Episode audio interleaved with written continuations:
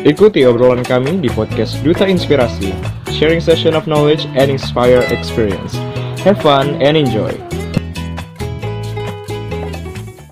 Halo Sobat Inspirasi, selamat pagi, selamat siang, selamat sore, selamat malam, and welcome back to our Duta Inspirasi Podcast. Oke Sobat Inspirasi, aku Fahrul dan Syafendi, Duta Inspirasi Indonesia Provinsi Jambi Batch 11 yang akan menemani kalian pada segmen yang sangat menarik yaitu Kumis episode 1 dengan tema Kilas Balik Nasihat Orang Tua.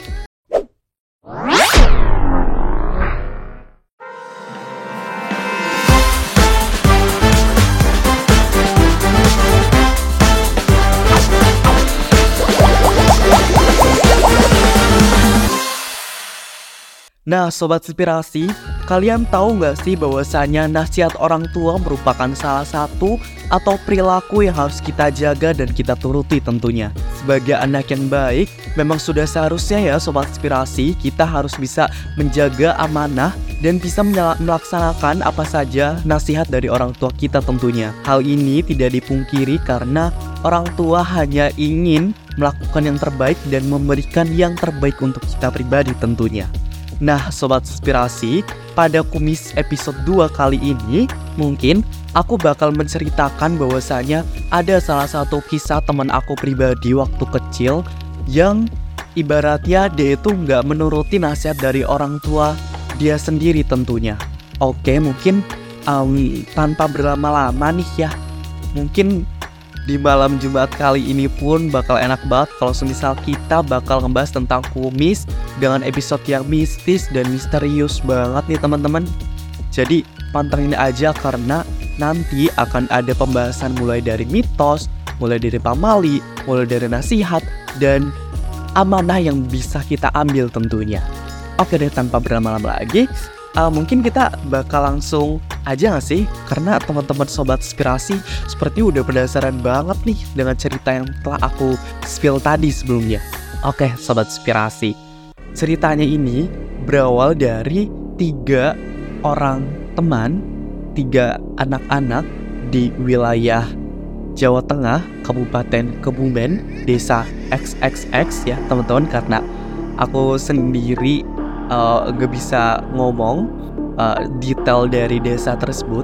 Ceritanya berawal dari uh, seorang tiga orang teman yang sedang bermain di sebuah lapangan lapang dekat hutan dan sungai. Di situ, oke, sebelum lanjut mungkin aku bakal ngejelasin bahwasanya aku akan izin menceritakan POV dari teman aku pribadi, teman kecil aku di desa tersebut, di kampung ya, teman-teman. Dan mungkin uh, cerita ini dimulai dari tiga orang teman yang tadi aku sebutin sedang bermain di lapangan luas di sungai, di pinggir sungai dan di pinggir hutan juga. Dan mereka mulai bermain uh, pada hari kalau nggak salah kalau nggak Sabtu atau Minggu karena uh, sudah lagi weekend ya teman-teman semuanya. Dan ya pada umumnya saja ya seperti anak-anak kecil semuanya ya kita atau teman-teman bertiga itu sedang bermain di lapangan luas intinya. Mulai dari bermain uh, tetek uh, tahu tetek? Sobat inspirasi permainan dengan kayu dengan dua kayu dengan dipukul intinya. Terus permainan um, tak umpet permainan lereng dan lain sebagainya. Dan mungkin yang akan aku highlight bahwasanya um, ada satu orang yang bernama Kak Arya bersama dua temannya lagi dan karya ini fun fact-nya adalah dia ini rada tengil ya teman-teman mungkin ya pada umumnya aja anak-anak uh, mungkin sedikit nakal, rada tengil dan memang nggak terlalu patuh sama orang tua juga tentunya. Nah, singkat cerita pada hari Sabtu atau Minggu mereka bertiga lagi bermain di lapangan dan dimulai dari abis zuhur. Setelah zuhur bermain sampai sore sampai asar dan mereka pun nggak sholat asar ya teman-teman itu perlu di take note. Setelah asar um, ada teman satu lagi yang memberitahukan bahwasanya si Arya ini dipanggil oleh orang tua dia untuk pulang karena untuk makan, untuk istirahat dan untuk sholat tentunya. untuk sholat asar dan persiapan untuk maghrib nanti. Jadi jangan sampai pulang terlalu malam. Nah, singkat cerita, si Arya ini bawel banget nih teman-teman. Dia nggak mau dan dia pengen main aja terus sama teman-temannya dia. Sebenarnya dua temennya lagi ini tuh udah capek, udah ibaratnya udah bosen lah ya untuk main di lapangan kayak pengen pulang aja soalnya udah mul udah main dari zuhur tadi gitu loh dan itu udah beberapa jam yang lalu gitu nah singkat cerita juga bahwasannya dua teman tadi berinisial Doni dan Bisma dan ini pamit izin buat pulang ke Arya karena dilihat bahwasannya di lapangan itu sudah menunjukkan uh, tanda-tanda mau maghrib ya teman-teman. Which is di sana itu udah ada apa ibaratnya kayak awan awan rada warna oranye ataupun sudah ra mulai rada gelap dan sudah terdengar um, nyanyian atau lagu-lagu bukan lagu-lagu ya kayak syairan dari masjid uh, sebelum azan maghrib. Kalau anak-anak atau sobat inspirasi di kampung pastinya ini relate banget dan tahu intinya. Oke okay, anyway aku lagi rada pilek but it's okay. Ini, ini menarik banget nih. Oke okay, nah singkat cerita juga bahwasannya si Arya ini ngeyel dan dia pengen nyelesain permainan dia. Mungkin dia uh, sebelumnya emang kurang greget maybe atau dia pengen latihan lagi um latihan lagi biar di next permainan dia ini bisa menang gitu lawan temen dua lagi karena fun fact-nya katanya si Arya ini uh, bukan lemah sih kayak kalahan gitu dalam suatu permainan itu. Oke, okay, anyway, um, Arya sudah diperingati oleh temannya tadi uh, bahwasanya dia itu dipanggil sama orang tua untuk istirahat pulang ke rumah makan sholat dan lain sebagainya tetapi Arya tidak mau atau ngeyel. Nah singkat cerita nih teman-teman semuanya. Uh, aku izin cerita dari POV dari Arya sendiri bahwasanya Arya ini melihat di hutan itu ada ibaratnya kayak sesosok uh, apa ya ibaratnya kayak asap warna putih abu-abu gitu kayak berjalan gitu loh. Demi apa pun aku sekarang merinding banget. Anyway kita bakal lanjut dia ngikutin ngikutin asap itu entah kenapa ya apa apa yang dipikirkan oleh bocil itu ya sebuah inspirasi. Tapi kita bakal lanjut. Arya mulai mendekati um, asap berwarna putih berwarna abu-abu itu ke hutan. Dan um, pokoknya POV dari Arya sendiri ini dia itu pas masuk ke hutan dan ngeliat dan dia tuh udah kayak nggak sadarkan diri loh teman-teman. Jadi ibaratnya kayak pingsan aja gitu. Dia itu lupa nggak tahu ngelihat apa nggak tahu ngelakuin apa. Ya jelas dia itu cuman masuk ke hutan ngelihat ada asap putih berwarna abu-abu asap putih abu-abu lah ya. Masuk dan tiba-tiba dia pingsan atau terlelap gitu. Jadi ibaratnya kabur udah nggak ada apa-apa lagi gitu. Kayak mim kayak udah kayak tidur aja gitu kan. Nah mistisnya atau misteriusnya nih teman-teman bahwasanya Arya ini sampai maghrib sampai isya pun dia itu nggak pulang ke rumah nih teman-teman dia dicari ditanya-tanya sama kak sama Doni dan Bisma tadi bahwasanya emang si Arya itu masih bermain bu di lapangan gitu tadi karena um, aku sama Doni, Bisma sama Doni pun dia pamit izin karena udah mau maghrib gitu kan. Nah sebenarnya Arya ini kan tipe anak yang nakal nih teman-teman dia udah diperingati berkali-kali bahwasanya kalau main itu jangan sampai lewat dari maghrib gitu. Nah, singkat cerita juga bahwasanya um, orang tua dan saudara-saudara dan teman-teman dari Arya sendiri ini mulai melakukan pencarian ke Arya tentunya.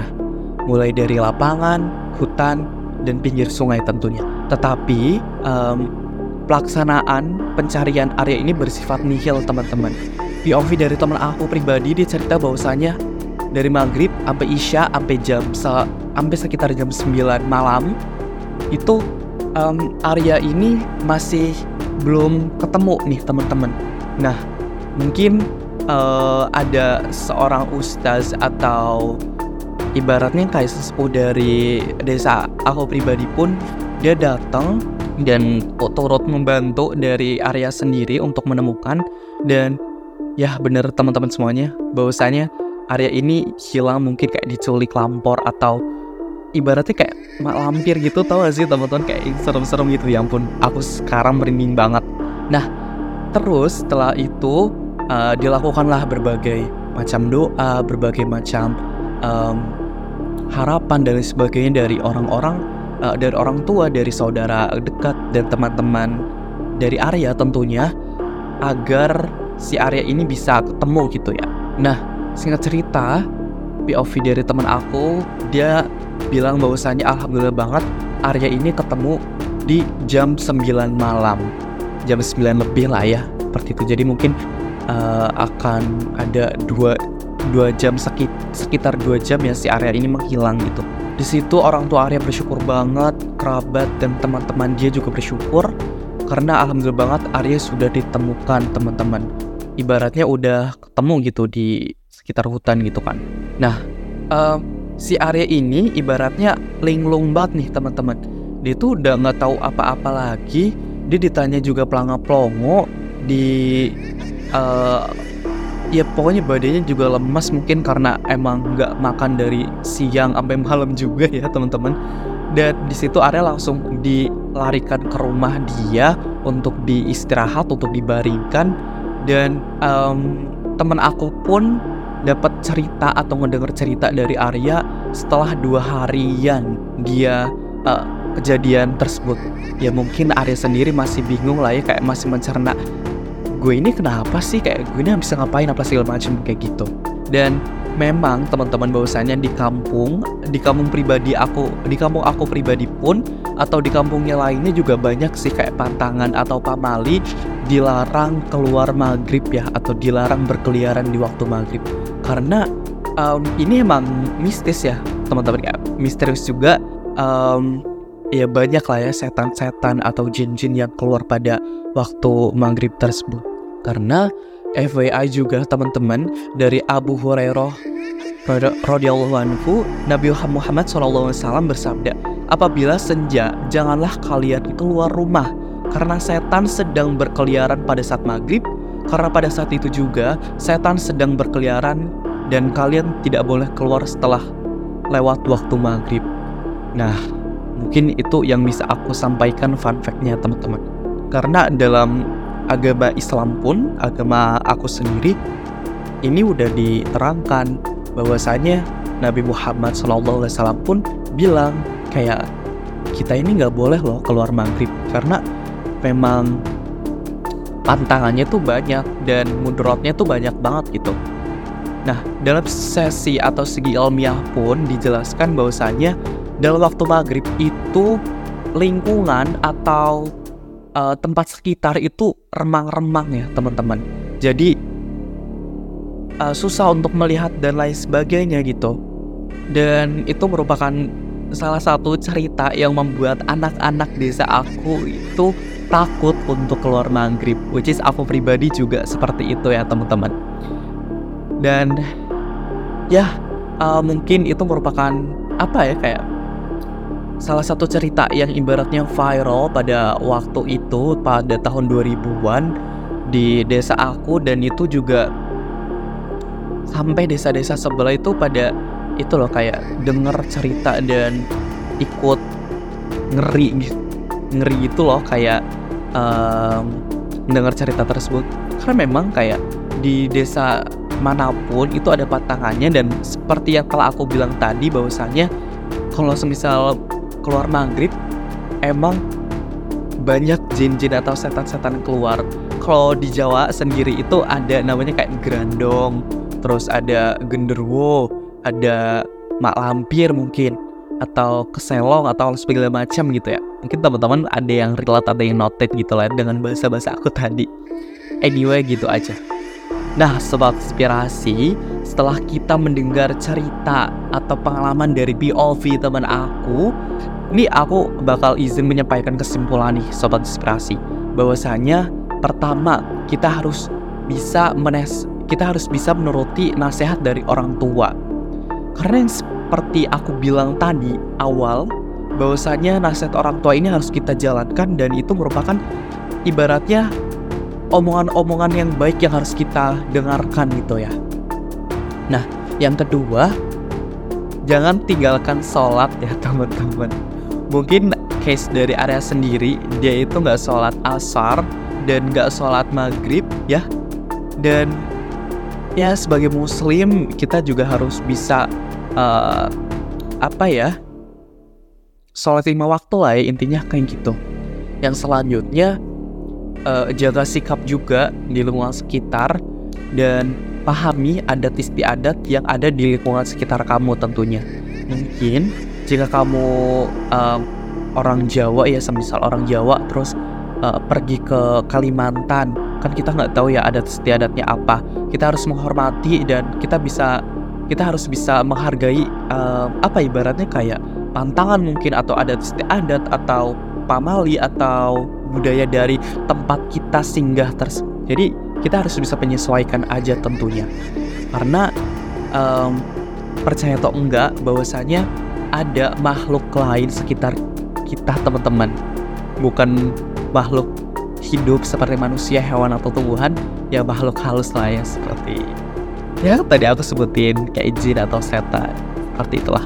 Demi apa pun aku sekarang merinding banget. Anyway um, mungkin itu aja yang bisa aku sampaikan mungkin boleh banget teman-teman jika ada cerita mistis lain atau ingin memberikan tanggapan atau pandangan yang lain boleh banget um, komen di Spotify di bawah kali ini Nah, itu dia cowok sobat inspirasi cerita singkat dari salah satu um, teman aku uh, yang bisa aku sampaikan untuk sobat inspirasi di seluruh belahan dunia serta semua pendengar setiap podcast Duta Inspirasi tentunya.